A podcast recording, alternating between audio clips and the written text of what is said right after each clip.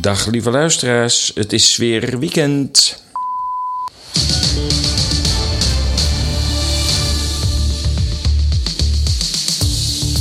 Het is weer weekend en we tijd voor Radio Moddergat, de vrije podcastradio van ezels.nl. Twee wekelijks 60 minuten lang berichten over bizarre tijden. Mijn naam is Paul de Bruin en we noteren 1 juli 2022.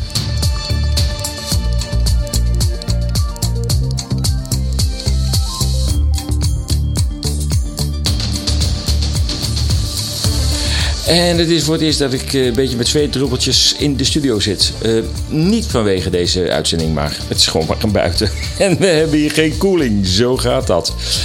Uh, ja, onderwerpen vandaag. Het is eigenlijk maar één onderwerp. Een exclusief interview dat ik had afgelopen maandag met uh, de ambassadeur van Rusland in Nederland, Alexander Shulkin. En uh, daar gaan we het deze radiomordegat helemaal over hebben. Dit dus vandaag.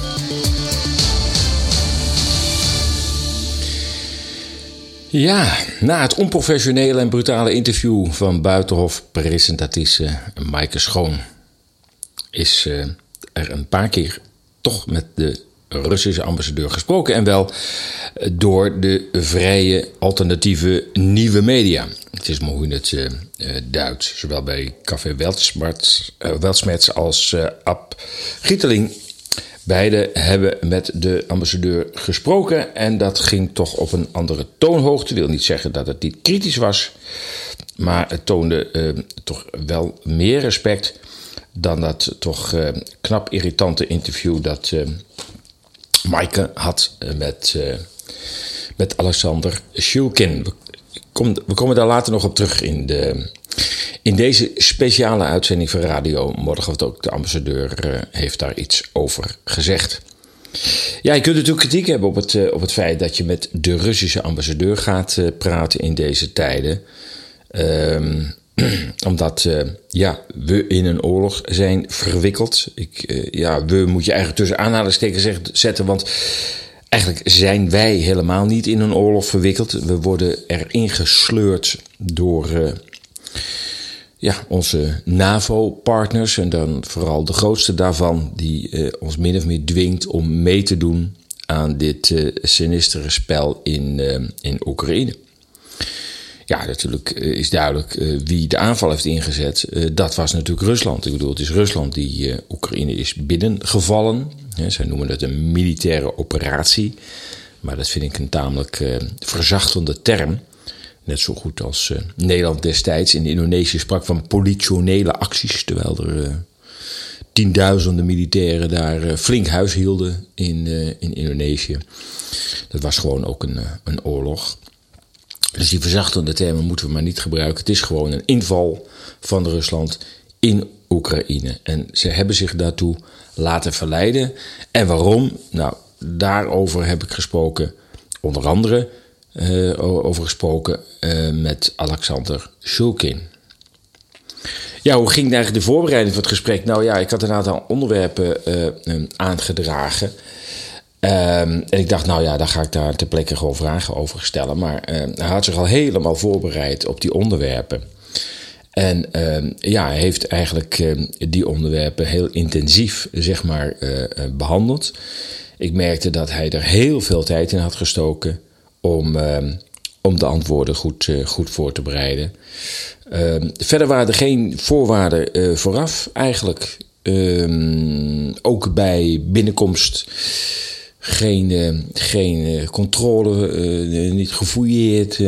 nou, het, het, bewakingspoortje dat bij alle vliegvelden, op alle vliegvelden staat, dat stond uit. kortom, ja, ik, uh, je kon er eigenlijk gewoon, uh, nadat het hek natuurlijk buiten open was gezet, uh, kon je daar gewoon naar binnen lopen. Dus dat was toch, eh, ja, um, er was enig vertrouwen dat degene die zich aan de poort meldde ook degene was die, die zich had gemeld. Goed, we werden netjes opgevangen door de rechterhand van de, van de ambassadeur. Allervriendelijkste begroet. Dus de, nou, uh, op, op die zin geen ijzige stemming om, ehm, om het gesprek in te beginnen. Dat zou je vaak verwachten. Het is natuurlijk ook een, wel een formeel gesprek. En ja, waarom ik dat gesprek eh, heb gearrangeerd, waarom ik, me, eh, waarom ik het gesprek heb aangevraagd, is, is deze. Ehm, dat ik vind dat, dat wat er ook aan de hand is, je met elkaar wel in gesprek moet blijven. Heel veel mensen eh, raken geïrriteerd en boos en willen dan niet meer met die ander spreken. Nou, dat kan misschien met je buurman nog een tijdje goed gaan. Of dat je een, vriendschappelijke relatie verbreekt. Maar ja, Rusland blijft liggen waar het ligt. En ehm, dat is tamelijk dichtbij, moet ik zeggen. Een paar uurtjes vliegen. Ehm, dus ja, je zult ermee moeten dealen linksom of rechtsom. Ehm, dus als je, niet, als je niet bereid bent om te luisteren, als je niet bereid bent om te spreken met elkaar, dan rest alleen nog maar de wapens. En heel veel mensen zeggen dat, nou sla er maar op los. Boris Johnson, nee, nee, nee, nee, we gaan het. Uh, we gaan uh, Rusland verslaan. We gaan niet praten. We gaan vechten. En dan denk ik, ja, dat is een tamelijk onverantwoordelijke, uh, zo niet onvolwassen reactie. Je gaat Rusland niet verslaan, daar begint het al mee. En tegen welke prijs ben je bereid om deze strijd te strijden? Want het mogen duidelijk zijn dat de twee landen die eigenlijk met elkaar in strijd zijn, de Verenigde Staten en Rusland. Nou, de eerstgenoemde heeft er niet eens, heeft helemaal geen last van. Die, die, die strijdt weer, nou ja, toch wel tientallen miljarden dit jaar al, maar op de langere termijn 100 miljarden aan wapen aankopen.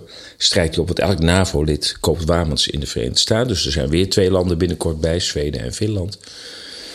Dus uh, Amerika vindt het uh, wel best. Het mag best wel even duren. bovendien drukt dat Europa richting Amerikaans gas. LNG is een stuk duurder. En als het een stuk duurder is, betekent het dat de Duitse industrie dus afziet van goedkoop en zeker aardgas uit, uit Rusland. Dus de concurrentiepositie voor de Duitse industrie zal duidelijk zwaar te lijden hebben onder ehm, de dwang van de Verenigde Staten om LNG-gas ehm, te gaan inkopen. Nou, daarnaast is het natuurlijk nog zo dat we nu ehm, met alle gereutel over het klimaat nu toch weer de kolencentrales aan het opstoken zijn. Ik heb zelfs begrepen dat ja, toch bomenkap in Oost-Europa weer, weer op de agenda staat. Want ja, ook die biocentrales moeten weer bijstoken. Omdat we nou helemaal geen gas meer willen.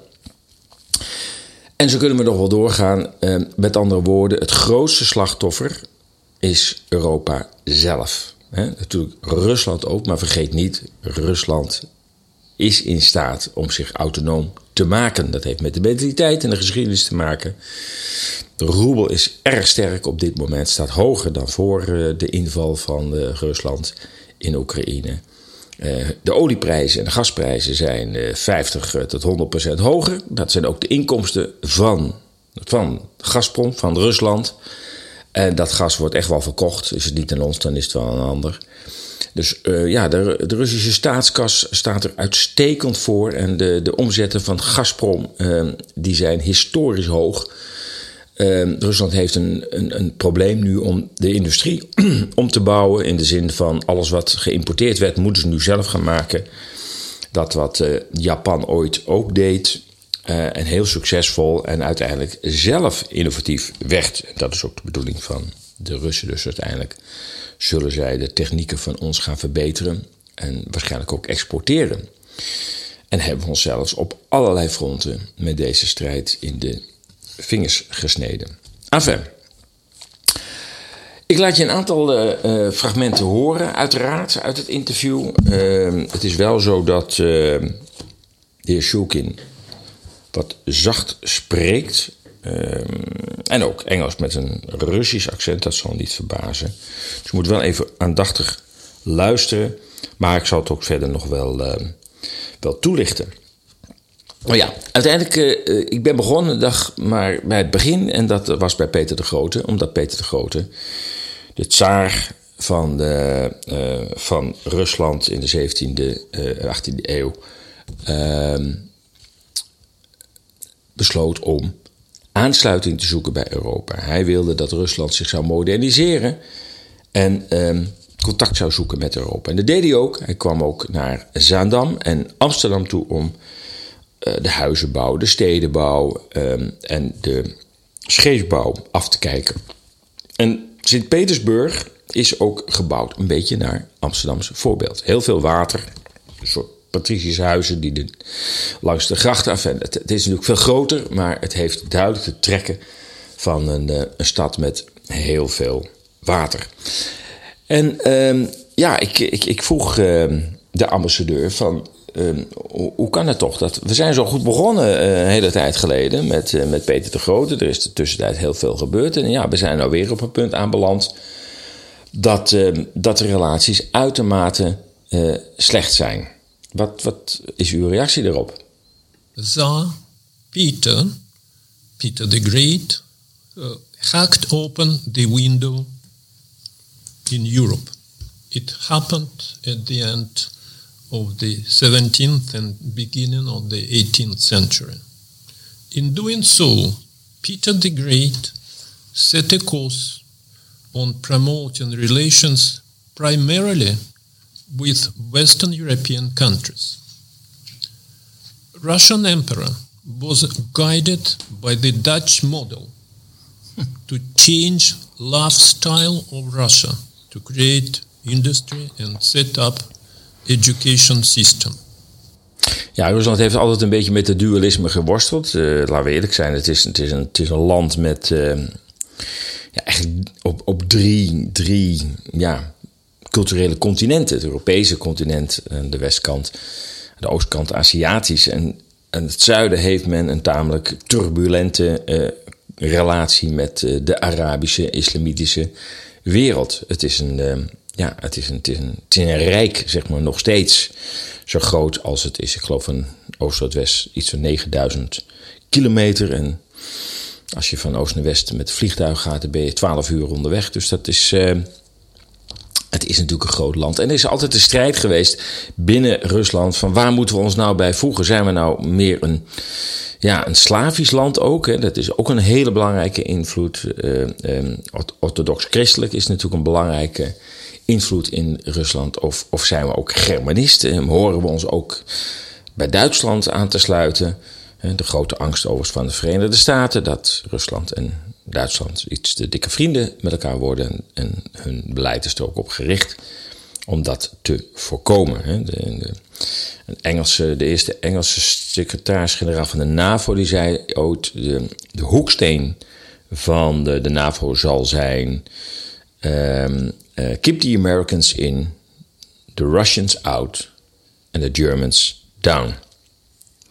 Ja, na de val van die Berlijnse muur en het ijzeren gordijn in 1989, toen de tweede deling van Europa werd, uh, werd opgeheven, uh, kreeg hier de uh, toenmalig secretaris-generaal van de Sovjet-Unie, Mikhail Gorbachev, ehm, ja, heel veel aanhang. Hij, hij, wilde echt dolgraag aansluiting bij, ehm, bij het Westen. Mikhail Gorbachev, when at the helm of the Soviet Union, came out with the idea of setting up an all-European house. Then Gorbachev pleaded in favor of even larger partnership. Once the Berlin Wall fell, the Soviet Union collapsed. The Warsaw Treaty vanished. Ja, je zag dus dat na de val van de muur eh, duidelijk Rusland contact zocht met het Westen. Uh, het Warschau-pact, zeg maar de NAVO van Rusland en Oost-Europa, werd opgeheven en men was in de veronderstelling dat de NAVO zich ook zou opheffen. Nou, het tegendeel gebeurde. De NAVO hief zich niet uh, op. Het werd na verloop van jaren eigenlijk alleen nog maar groter. En dat laatste is natuurlijk wel um, een behoorlijke doorn in het oog van de Russen.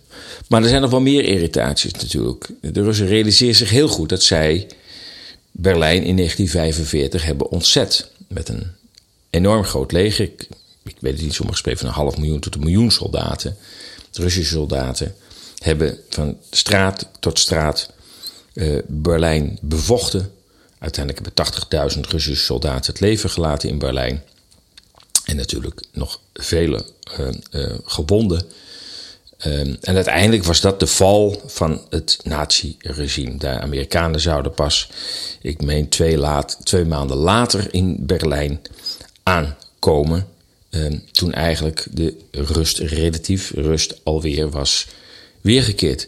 26 miljoen Russen zijn om het leven gekomen in de Tweede Wereldoorlog. En daarmee heeft Rusland de hoogste prijs voor de Tweede Wereldoorlog uh, uh, betaald. Het was een aanvalsoorlog van de Duitsers, van de nazi's, op Rusland en niet andersom. In Rusland heet het de Grootvaderlandse Oorlog, wordt nog elk jaar herdacht. Maar ja, wat wil je met 26 miljoen doden? Um, aan de andere kant, in het Westen wordt natuurlijk de Tweede Wereldoorlog ook herdacht hè, als een overwinningsoorlog, als een bevrijdingsoorlog. Uh, en voor West-Europa was dat ook zeker zo. Uh, alleen, ja, de laatste jaren werden de Russen niet meer uitgenodigd. Uh, en dat steekt de Russen ook. Zo van, ja, we hebben toch zo'n enorm aandeel gehad. Misschien wel een beslissend aandeel. In het verslaan van het nazi-regime. En wij hoorden er helemaal niet meer bij. In 2011, 2001, moet ik zeggen, trokken de Amerikanen zich terug uit het ABM-verdrag. ABM staat voor Anti-Ballistic Missiles, antiballistische raketten. En dat was een eenzijdig besluit en dat kwam een paar maanden na de, de aanslag op het World Trade Center. En de reden van de Amerikanen die ze opgaven was... we moeten ons beschermen tegen de dreiging van terroristische organisaties... en de zogenaamde schurkenstaten. Het was de situatie waarin Amerika zich blijkelijk heel erg veilig voelde. The United States and their allies seemed to have acquired a feeling of uh, putative security due to the fact that nuclear retaliation from the Russian Federation may be avoided, neutralized by the anti ballistic missiles. Ja, de Amerikanen dachten uh, vanaf dat moment dat ze ook wel zonder dat beschermingssysteem uh, konden. En dat leidde tot uh, uiteindelijk, pas in 2007 op de ehm, Veiligheidsconferentie in München, in 2007, dat president Poetin zei van ja, hou er rekening mee, wij hebben ook veiligheidsbelangen. Hè? Blijf daar rekening mee houden, daar is een balans in. En riep uh, het Westen op om een eerder ondertekend document, waaronder de OVSE-verklaring van Istanbul 1999, om dat aan te blijven houden. En in die verklaring staat plechtig dat geen enkele Europese staat zijn veiligheid mag versterken ten koste van de veiligheid van een ander land. Maar goed, Zulken zei: de VS en hun bondgenoten hebben onze beweringen echter weer verworpen. En dat is wat je, wat je dus uh, steeds ziet: dat er een onbalans is in veiligheidsperceptie. Daar waar nou ja, het Westen zich permitteert, uh, onder de vlag van de NAVO, om tot aan de Russische grenzen te kruipen. En niet op één plek, maar eigenlijk bijna rondom. Um, dat de Amerikanen, die overigens veilig aan de andere kant van de oceaan uh, uh, zitten, dat omgekeerde nood zouden accepteren. We kennen nog uh, wellicht de situatie in 1961, ehm, de Cuba-crisis, waarbij er een Russisch schip onderweg was naar het communistische Cuba um, en dat Rusland daar raketten wilde plaatsen. Ja, dat uh, Amerika uh, eiste dat uh, dat onmiddellijk werd gestopt onder dreiging van een kernoorlog. Dus je ziet een enorme onbalans in gedrag. De Russen kunnen geen raketten op Cuba plaatsen, geen militairen sturen naar, uh, naar Mexico, om maar iets te noemen. Want dan is het huis te klein. Maar andersom moet Rusland het goed vinden dat de NAVO tot aan de grenzen uh, komt. En niet alleen dat, daar inmiddels ook met grote troepeneenheden uh, zit. En dat benauwt Rusland heel erg. Rusland is natuurlijk een groot land. En hoe gek het ook klinkt, ja, De grenzen zijn niet overal dicht te houden, want daar is, is het gewoon te groot voor. Dus het voelt zich uh, bedreigd. Uiteindelijk gaat, uh, gaat het verder mis doordat naast de diverse golven van toetreding tot de NAVO uiteindelijk twee andere voormalige republieken van de Sovjet-Unie wordt gevraagd om toe te treden. En dat was als eerste uh, in Georgië en later in Oekraïne. En het model waarlangs dat gebeurt, het, het, het, model waarmee dat moet worden bewerkstelligd, is altijd hetzelfde. Men probeert eerst natuurlijk een leider aan de macht te brengen die pro-Westen is en ook pro-toetreding van de NAVO. En dat doet men door een zogenaamde Color Revolution op te zetten. Dat is een uitvinding van de CIA. En dan ga je kijken naar oppositionele groepen in zo'n land en die ga je steunen. Die ga je groter maken. Daar ga je PR-campagnes voor vervoeren.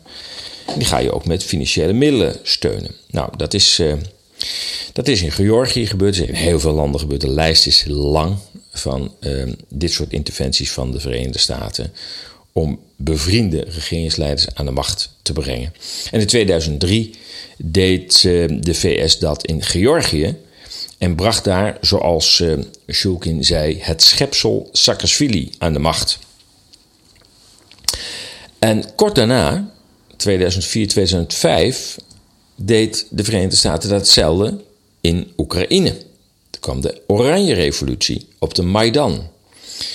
Alleen die was niet zo heel erg succesvol. Uh, men heeft weliswaar een meer pro-westerse uh, president toen in Oekraïne aan de macht gekregen door een derde verkiezingsronde toe te voegen in strijd met de grondwet. maar die heeft het niet lang gered om, vanwege zijn wanbeleid. En kwam uiteindelijk toch de oudere de oude president weer terug, die meer toch op de lijn van, de, van Moskou zat. En in 2014 heeft de Verenigde Staten het nog een keer geprobeerd in Oekraïne met een Maidan-opstand. En uh, ja, die was wel geslaagd. Maar goed, daar was meer steun van de Verenigde Staten. En het was ook wel een hele bloedige uh, strijd. Wat ook dwars zit bij de Russen is natuurlijk dat steeds gezegd wordt dat NAVO een verdedigingsbondschap, uh, bondgenootschap is. En uh, ja, de Russen zeggen eh, hier dan verwoord door Alexander Shulkin. Ja, dat is natuurlijk niet waar. The North Atlantic Alliance has been inexorably closing in on the borders of Russia. There were as many as five waves of NATO enlargement. Of course, the US and their allies kept saying that NATO is strictly defensive, strictly defensive organization, which is not true actually.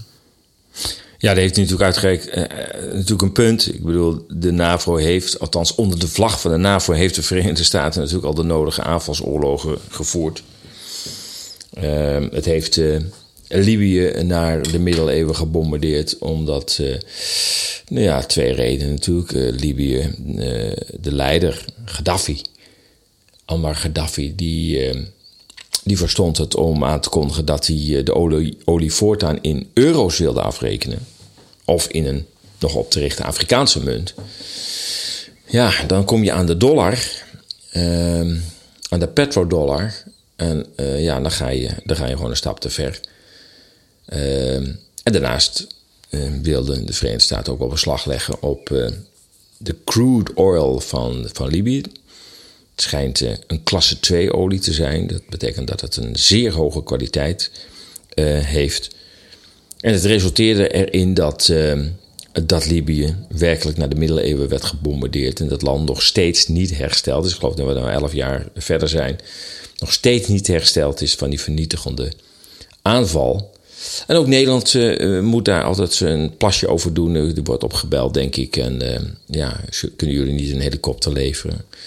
En eigenlijk hoeft, stelt het militair niks voor wat we dan doen. Maar dan zijn we wel mede schuldig aan wat daar gebeurt. Ja, dat is wat uiteindelijk gebeurt is dat de Verenigde Staten eerst Engeland belt en dan probeert er wat meer koppige landen als Frankrijk en Duitsland en Nederland er ook nog in te betrekken. En dat voorkomt dat er in die landen veel kritiek ontstaat. Want ja, je, je, je maakt dan ook je handen vuil aan dat soort aanvalsoorlogen. Um, nou ja, we kennen Irak. Daar is zelfs twee keer een inval geweest van de Amerikanen. Die passen dan de zogenaamde shock and awe uh, methode toe. Dat is een methode waarbij gewoon uh, ja, vanaf het allereerste moment massaal gebombardeerd wordt.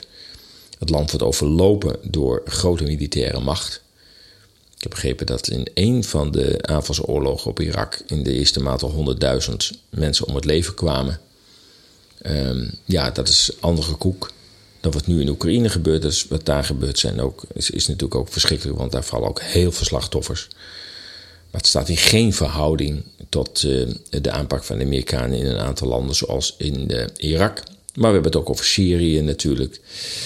En ook allerlei proxyoorlogen waar de Verenigde Staten ook bij uh, betrokken is. Dus ja, ik, ik kan me die perceptie van de Russen wel voorstellen. Dat ze zeggen, ja, hoezo een defensief bondgenootschap uh, onder jullie vlag wordt er heel veel landen aangevallen. We hebben het ook nog niet gaat over Servië. In de Joegoslavië-oorlog, die begon in 1991. Ehm, dat is nog een heel ingewikkeld verhaal, dat Joegoslavië. Dat is, dat is eigenlijk dat wat nu in Oekraïne gebeurt, is daarmee vergelijkbaar. Ook een, ook een gebied dat heel lang door een totalitaire leider bij elkaar is gehouden. En toen die stierf, toen uh, kregen alle volken het op hun heupen en begonnen elkaar te bestrijden. Als ik het heel even kort, uh, kort samenvat. Kortom, Shulkin zegt. Um, die NAVO is helemaal geen um, verdedigingsorganisatie, um, maar uiteindelijk uh, toch wel eigenlijk een aanvalsorganisatie. Um, Zoekin haalde nog even de paus aan. Dat verraste mij heel even. Want hij zei ja, want zelfs de paus heeft gezegd dat deze oorlog eigenlijk is uitgelokt. En uh, uh, letterlijk zei hij, de, althans hij citeert de paus daarbij de NAVO blafte aan de poort van Rusland. The Pope Francis appeared to admit that current, current clashes in Ukraine actually had been somewhat deliber deliberately provoked. The Pope Francis also said that these hostilities could have been avoided. He used even an image to try and explain the Russian reaction. The Pope Francis said the NATO was barking at the gates of Russia. Ja, wat ik uh, straks al zei, wat er vooraf ging, was natuurlijk de Maidan-opstand. Uh, dat was eigenlijk een, uh, een regime change, zoals dat in Amerika heet. De platte term is gewoon staatsgreep. Um, van buitenaf georganiseerd.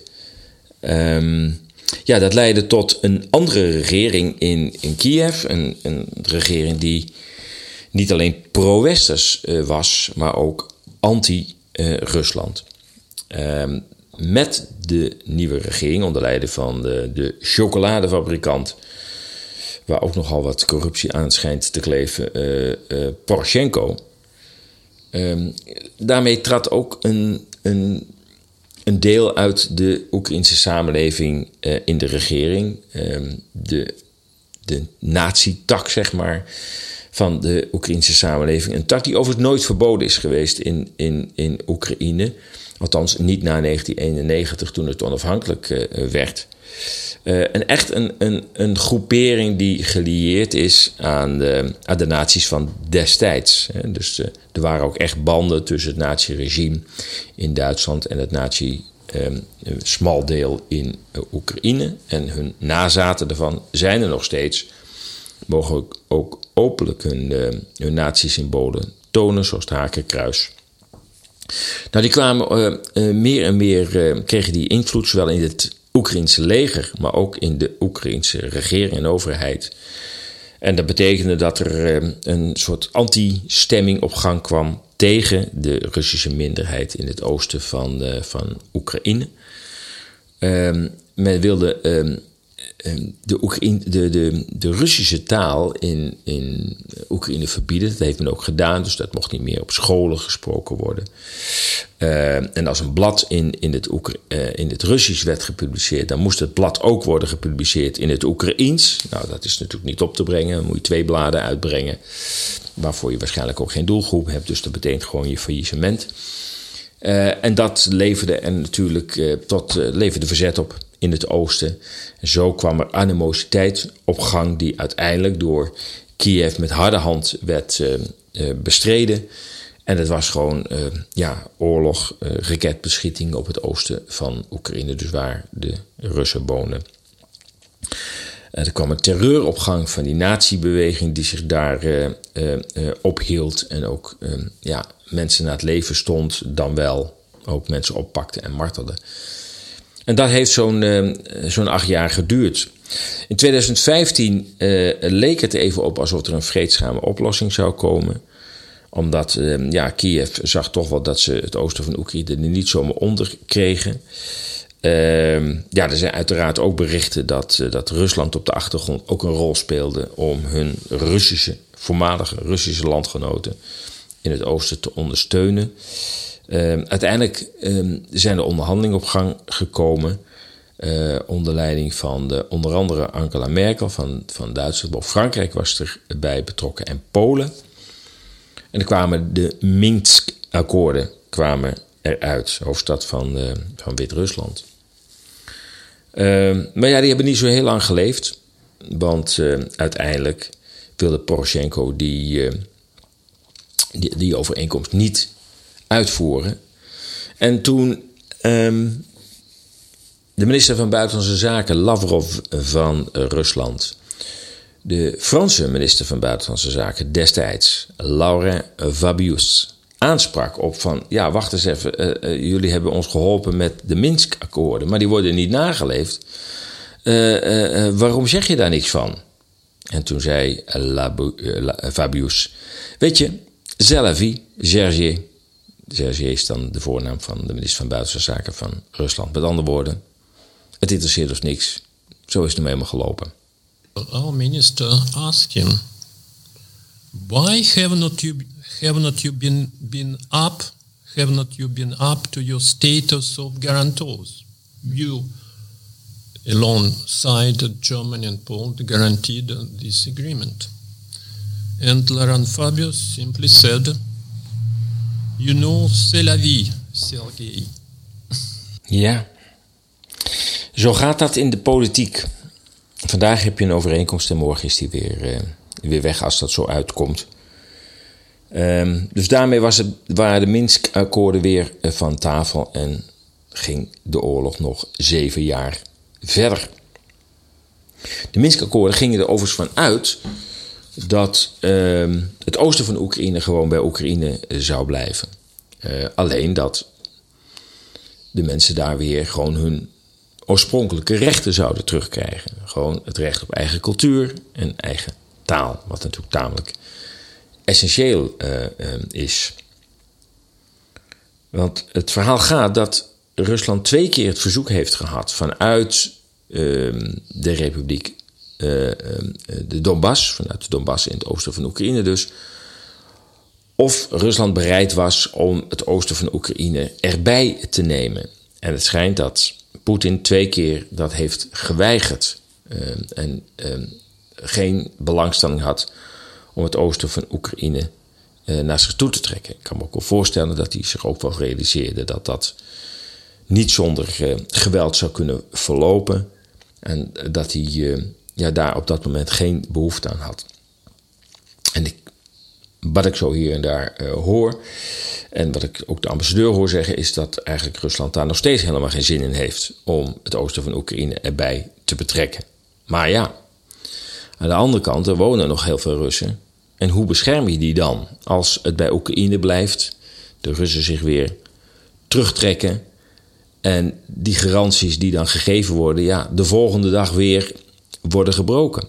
Dat is een dilemma en de toekomst zal uitwijzen hoe dat eruit ziet.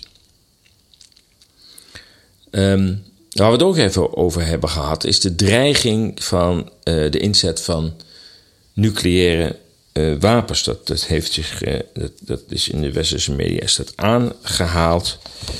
En ook in dit gesprek met de Russische ambassadeur in Nederland wordt dat, wordt dat niet ontkend. Er kan zich een situatie voordoen dat dat aan de orde is. Ten eerste zei uh, de ambassadeur dat als de NAVO zou proberen om de Krim weer te annexeren of weer terug te halen in, uh, in Oekraïne, dat Rusland zou terugslaan.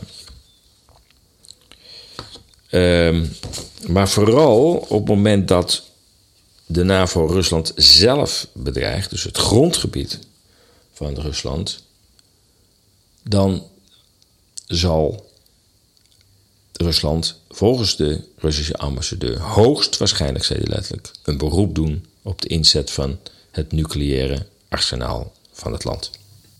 So, to fend off existential threat the Russian Federation most probably will have to appeal to its nuclear arsenal.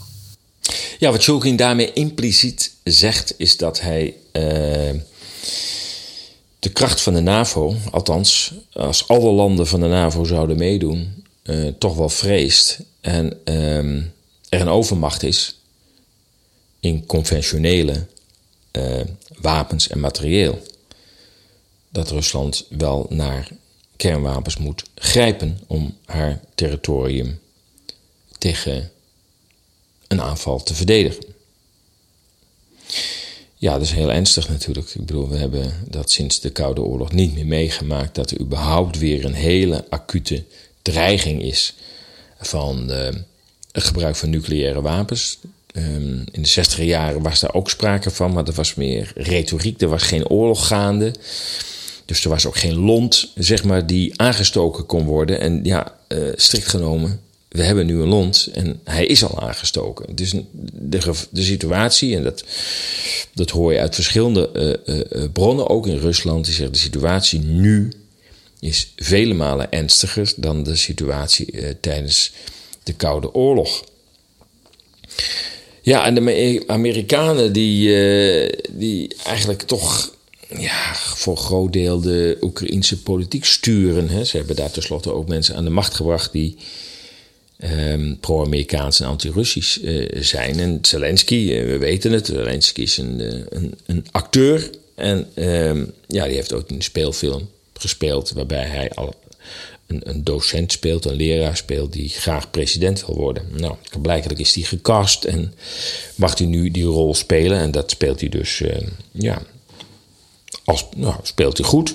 De vraag is alleen of hij daarmee de zinnige dingen doet. Uh, want in februari 2022, dus dit jaar, dit voorjaar, op de uh, München Veiligheidsconferentie, uh, trad ook Zelensky op, zoals Zelensky bijna overal optreedt. Ik heb ook begrepen dat hij ook zelfs festivals gaat toespreken.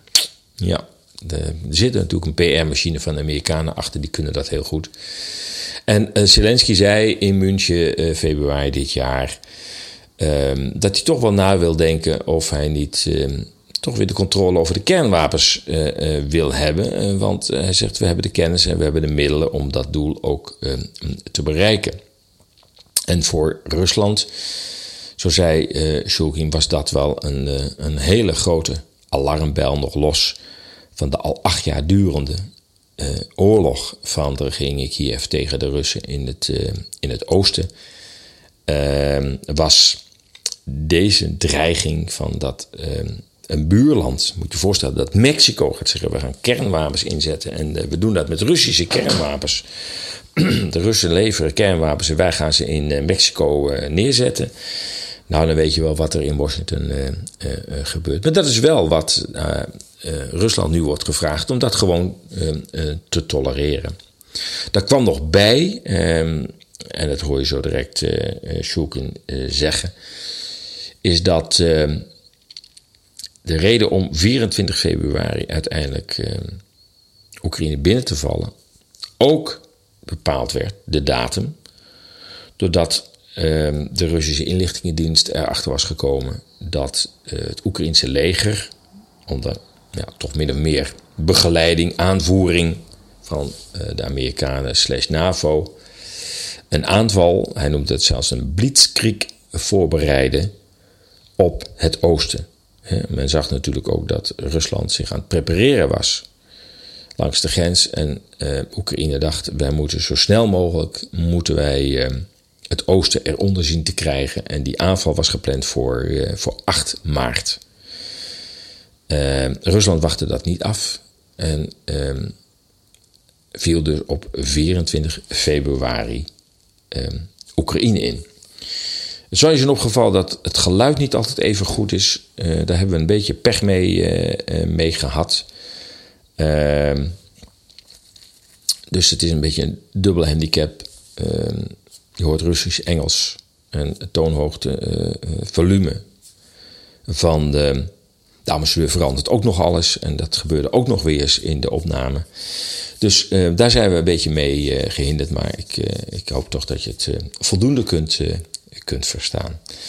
We gaan even naar dat punt in het gesprek waar hij zei van ja, dit was toch wel het moment waarop we echt moesten ingrijpen. Weapons delivery, delivery started even before uh, February the 24th. Judging by the trophy documents, we Russians we received the conf confirmation of what our military intelligence already knew. That is, Kiev's intention to wage a kind of blitzkrieg war with the aim of defeating the DPR and LPR militia. Ja, de DPR en de LPR staat voor uh, Donbass en Luhansk. Uh, dat zijn paramilitaire organisaties. Het is zeer denkbaar dat ze ook door Rusland werden gesteund. En Oekraïne wilde daar nog heel snel een einde aan maken. En dat was de reden dat Rusland dacht: dat wachten we niet af. En uh, we gaan nu uh, het land binnenvallen en het oosten ontzetten en, zoals zij noemen, eh, bevrijden. Given these two factors, aggressive plans by Mr. Zelensky on one hand, and the refusal by the United States and their Western partners to consider Russian legitimate interest in security area, the Russian Federation was actually left with no other choice than start special military operation to protect people of Donbass. Ja, Um, wat ik al zei, het interview heb ik gehouden omdat ik vind dat we ook de Russische argumentatie moeten horen. En uh, het is aan iedere volwassen en in een democratie levende burger om te bepalen wat hij daarvan uh, van vindt. De situatie waarin we nu verkeren, dat dit niet meer gehoord mag worden, geeft aan dat we langzamerhand in een soort seniele democratie terecht zijn gekomen. Waarin de overheid uh, het gezond verstand van de burger niet meer vertrouwt en zijn oordeelsvorming wegneemt. Dat is treurig. Vandaar. Ja, moest, ik moest even lachen, eerder gezegd. Ik, althans, ik moest me lachen inhouden, laat ik het zo zeggen. Toen de, de telefoon van, van de ambassadeur afging. Excuse me.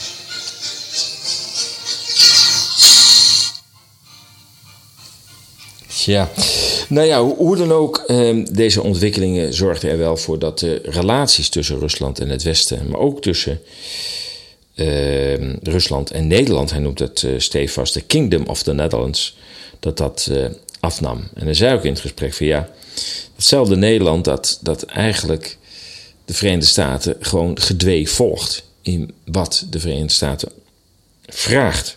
Ja, nou, dat, uh, dat kunnen we natuurlijk dagelijks uh, zien. Um, op een gegeven moment uh, komt Shulkin met de beschuldiging dat de Nederlandse autoriteiten hebben toegestaan dat mensen uit Nederland vertrokken en zich aansloten bij bendes, zoals hij dat noemt, van huurlingen in Oekraïne om tegen Rusland te strijden. The Dutch authorities let also their people leave for Ukraine to join the bands of mercenaries. We can't but deplore such steps taken by the kingdom and other Western European countries. Ja, de paus heeft natuurlijk wel gelijk als hij uh, heeft gezegd van uh, dat deze oorlog ook wel een, een beetje is uitgelokt. Hè? het Westen stond te blaffen aan de poorten van Rusland, zo zou hij gezegd hebben. Als je nog even Josep Borrell, de Spaanse EU-commissaris, uh, in uh, gedachten neemt, uh, die een paar maanden geleden zei dat de strijd in en om Oekraïne wordt op het slagveld beslist. Ja, dat zijn natuurlijk ongelooflijk onvolwassen en onverstandige uitspraken. maar ja, wat dacht je van president Biden, die in Polen zei van ja, dat eigenlijk president Poetin afgezet zou moeten worden? ook een tamelijk uh, ondoordachte uitspraak. Want Poetin mag een machtig man zijn, hij is niet Rusland. En na Poetin komt er iemand anders. En wie is dat dan weer? Ja, dat hoeft niet meteen een marionet te zijn van de Verenigde Staten. Sterker nog, voor hetzelfde geld neemt de legerleiding het over. En dan ben je helemaal in de aap gelogeerd. Dus, onverstandige uitspraken. En dan natuurlijk ook nog Boris Johnson, die, um, ja, dat zegt uh, dus ook. Ik denk dat de onderhandelingen nu uh, die, ja, gefrustreerd worden door invloed van Engeland vooral en de Verenigde Staten. Um, hij ja, suggereert dat Zelensky wel wil. Ook um, Rusland en Oekraïne in Istanbul bijna een akkoord hadden bereikt. Maar uiteindelijk uh, weer kan blijkbaar zijn teruggefloten. De Russen hebben dat akkoord uitgewerkt in een juridisch document opgestuurd naar Kiev en daarna niets meer eh, vernomen. En eh, zegt ja, eh, als, als Boris Johnson roept dat er gewoon doorgevochten moet worden, ja, dan, dan, dan is dat blijkbaar uh, een, een feit waar we rekening mee moeten houden. Het is eigenlijk onbegrijpelijk dat we überhaupt een land hebben in Europa dat zulke oorlogszuchtige talen uitspreekt en ook eigenlijk van elk realisme is verstoken. Want nou, ik, uh, ik denk dat het een moeizaam verhaal wordt en ook met een hele, hele, hele hoge prijs als je denkt dat je Rusland kunt uh, verslaan. Uh, those in the West who still nourish an idea to defeat Russia on the battlefield, and uh, it was uh, stated by uh, the EU uh, top diplomat Borrell, uh, the others also, yeah. Yeah. Uh, who dreamed to push Russia on the sidelines of international politics. These people will certainly be disappointed. Indeed, countless enemies that have been trying throughout centuries to subjugate Russia had invariably been repelled. There is a saying, you know, in the French language, c'est la Bérezina. This is Berezina. It is a telling reminder of a paramount catastrophe, catastrophe that, that occurred as the leftovers of the Napoleon's great army. Mm.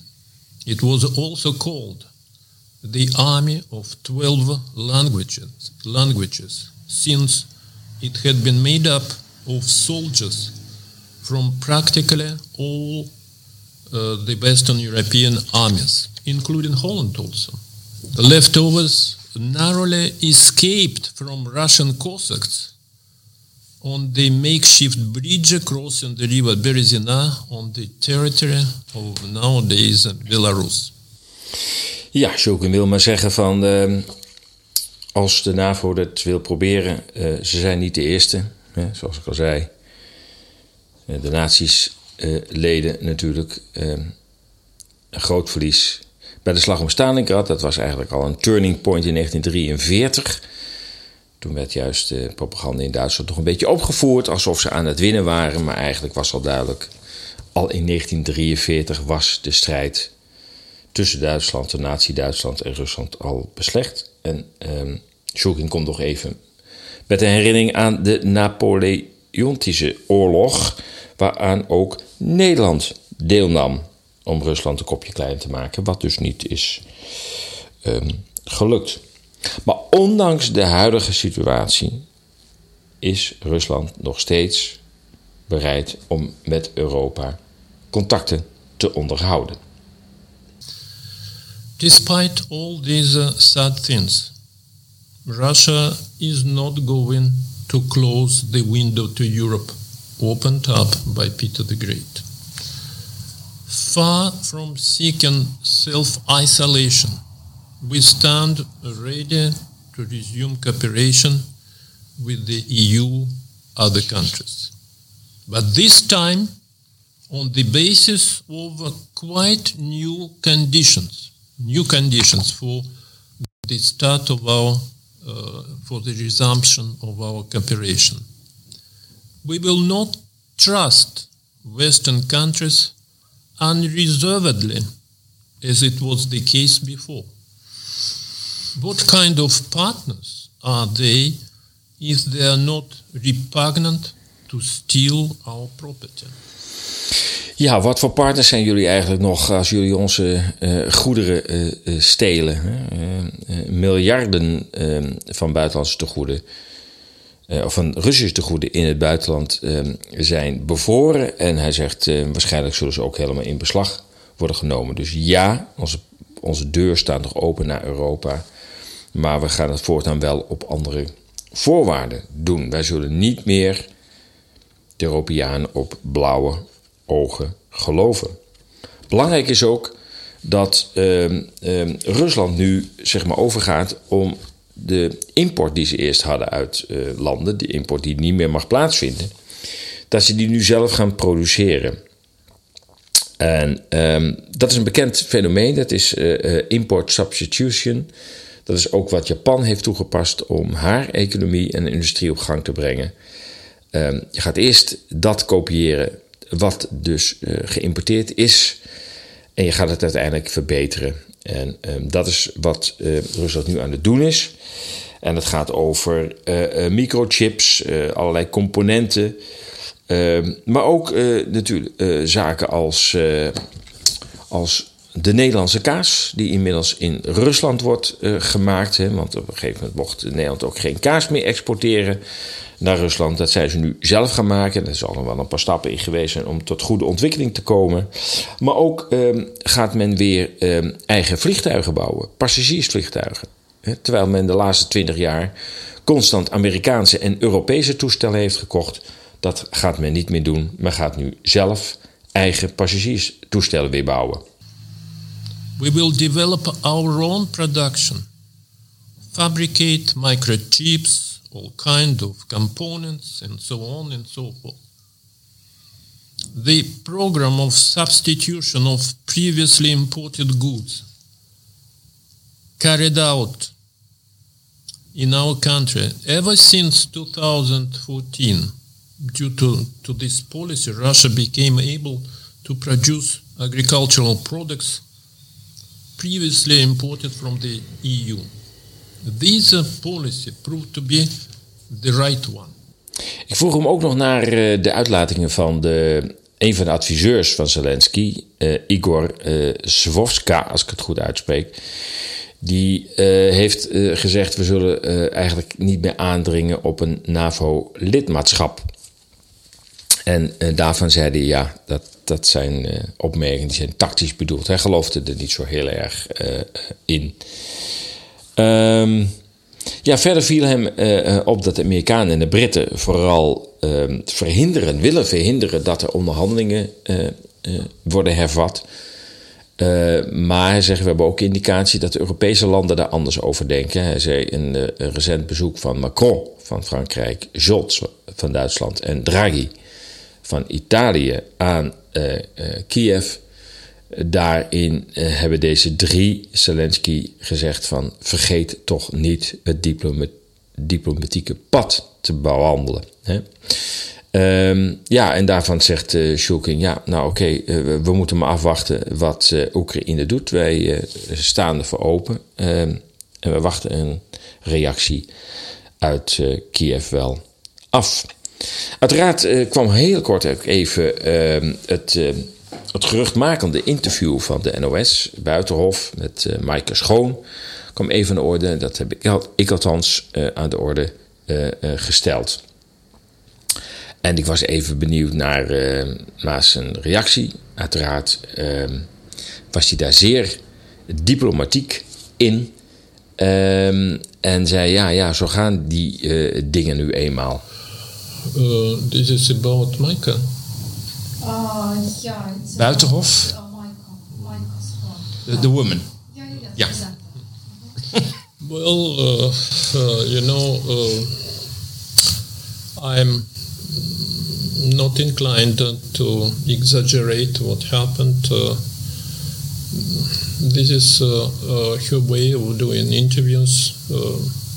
Well, it may be aggressive, but uh, she was just doing uh, doing its job, and uh, I was trying to calmly respond to these issues. Well, but the overall impression is that actually the media, be it in, in the Netherlands or in other Western countries, uh, uh, are not providing an objective pic- picture of what goes go, uh, going on. And sometimes it uh, clearly looks like a disinformation campaign. Ja, als je eh, naar de westerse media luistert, luistert het is bijna als, een, eh, als naar een propagandazender. Het is, eh, ja, zulke tijden zijn het nu eenmaal. Overigens moet je dat bij alle media eh, zo eh, kritisch blijven bekijken. Ook bij de Russische media, uiteraard. Zelfde verschijnselen. Dus het is een beetje wikken de wegen. Enerzijds, anderzijds. Dank voor het luisteren weer. Dit was een exclusief interview. Afgelopen week opgenomen met Alexander Shulkin, de Russische ambassadeur in Nederland. Dank voor het luisteren. Blijf gezond, blijf sterk. En waarschijnlijk over twee weken, maar helemaal zeker weet ik het niet. Volg gewoon de nieuwsbrief en dan, eh, dan krijg je daar een signaaltje van. De vakantie breekt aan, dus het wordt even wat onregelmatiger met Radio Moddergat. Nogmaals, dankjewel voor het luisteren. Tot de volgende keer.